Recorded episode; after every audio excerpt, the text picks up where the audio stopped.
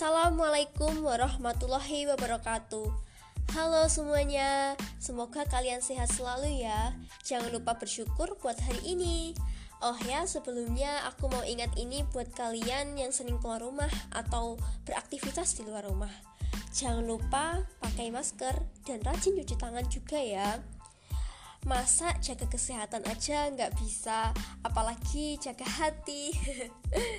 Oke oke. Jadi perkenalkan nama saya Aziza Nurskiana, nomor absen 11 dari kelas 12 IPS 3. Saya di sini akan menjelaskan tentang perkembangan dan dampak iptek pada era globalisasi. A. Perkembangan iptek pada era globalisasi. Pertama yaitu dalam bidang informasi dan komunikasi. Dalam bidang tersebut terdapat beberapa perangkat teknologi dalam bidang informasi dan komunikasi pada era globalisasi sebagai berikut. A. Radio. Kemunculan radio bermula ketika seorang ilmuwan bernama James Maxwell berhasil menemukan rumus untuk menciptakan gelombang elektromagnetik. Dalam perkembangannya, temuan James Maxwell dikembangkan oleh Heinrich Hertz pada 1884. Kemudian hasil perkembangan tersebut mendorong Guglielmo Marconi memanfaatkan gelombang elektromagnetik untuk mengirim sinyal radio sejauh 1,5 km. Kemudian yang B, televisi. Televisi mulai berkembang sejak penemuan elektris teleskop oleh Paul Nipkow pada 1880. Pada 1920, John Logie Baird dan Charles Francis Jenkins menggunakan electric teleskop karya Paul Nipkow untuk menciptakan suatu sistem dalam penangkapan gambar, transmisi, dan sistem penerima. Selanjutnya pada 1923 Vladimir Kosma Zworykin mendaftarkan hak paten atas penemuannya di yang disebut kineskop. Kineskop menjadi cikal bakal televisi tabung pertama di dunia. Vladimir Kosma Zworykin dijuluki yaitu sebagai sang penemu televisi. Ya, kemudian yang C telegraf telegraf digunakan untuk mengirim pesan melalui gelombang elektrik.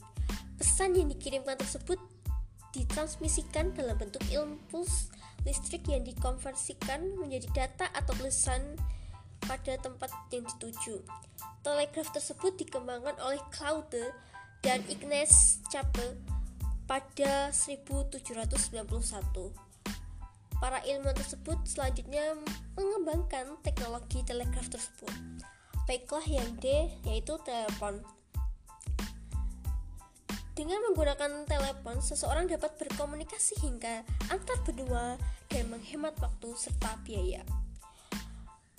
Banyak orang yang menganggap penemu telepon adalah Alexander Graham Bell. Pendapat tersebut didasarkan pada upaya Alexander Graham Bell dalam mengembangkan telepon. Akan tetapi, Kenyataannya, pengembangan telepon telah dilakukan oleh beberapa ilmuwan seperti Antonio Meucci, Johann Philips Reis, Thomas Alva Edison, Zenos Wilber, dan Elisa Gray. Pada 1870-an, para sejarawan mengkaji lebih lanjut mengenai penemu telepon tersebut. Hasil pengkajian tersebut menyatakan penemu konsep telepon adalah Antonio Meucci. Penetapan Antonio Meucci tersebut dikukuhkan dalam Kongres Amerika Serikat pada 2002. Pada 7 Januari 1927, panggilan telepon internasional pertama kali dilakukan. Percakapan tersebut dilakukan Bell kini American Telephone dan Telegraph Company Inc. atau AT&T dengan kantor pos umum Inggris. Yang kemudian E. Satelit. Penemuan satelit terinspirasi dari artikel Das Problem der Rung Das Weltraumsteur Raketen Motor yang ditulis Herman Potoknik Nordung pada 1928. Dalam artikelnya, ia memimpikan sebuah komunikasi jarak jauh antara bumi dan wahana di luar angkasa melalui gelombang radio. Teknologi satelit mengalami perkembangan cukup signifikan pada masa Perang Dingin.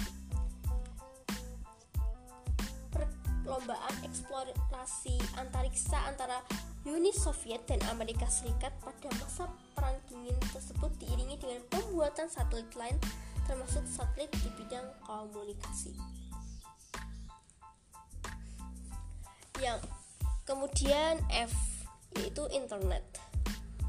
Proyek pengembangan tersebut dilakukan melalui Advanced Research Project Agency Network atau ARPANET oleh Departemen Pertahanan Amerika Serikat pada tahun 1962.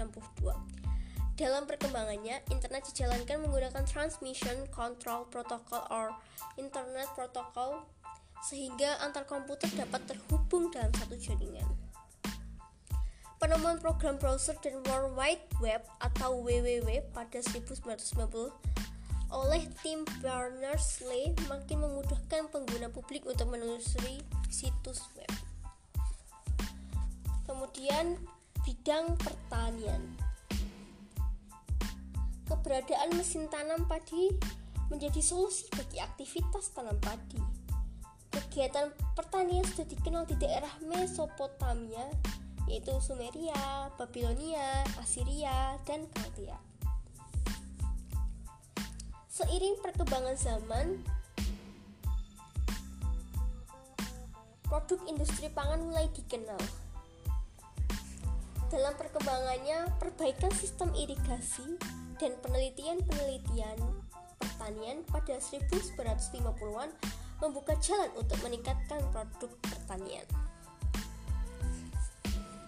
Yang keempat yaitu persenjataan.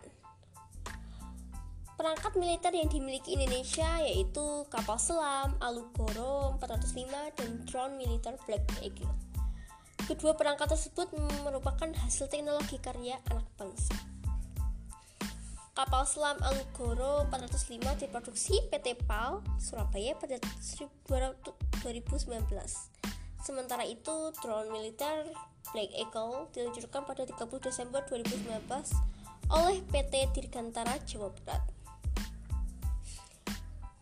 Perkembangan persenjataan militer seiring dengan kepentingan suatu negara dalam mempertahankan daerah teritorial dari serangan berbagai pihak.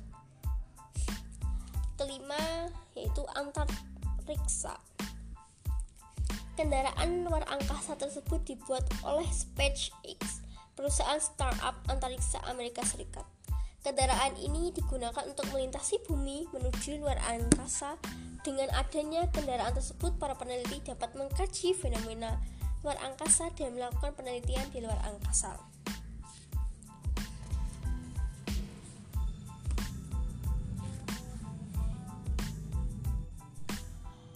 Pagi pergi ke kampung, jalan terbelah, pohon jatuh, awas menimpa. Jika ada salah kata, maafkanlah. Wassalamualaikum dan sampai jumpa.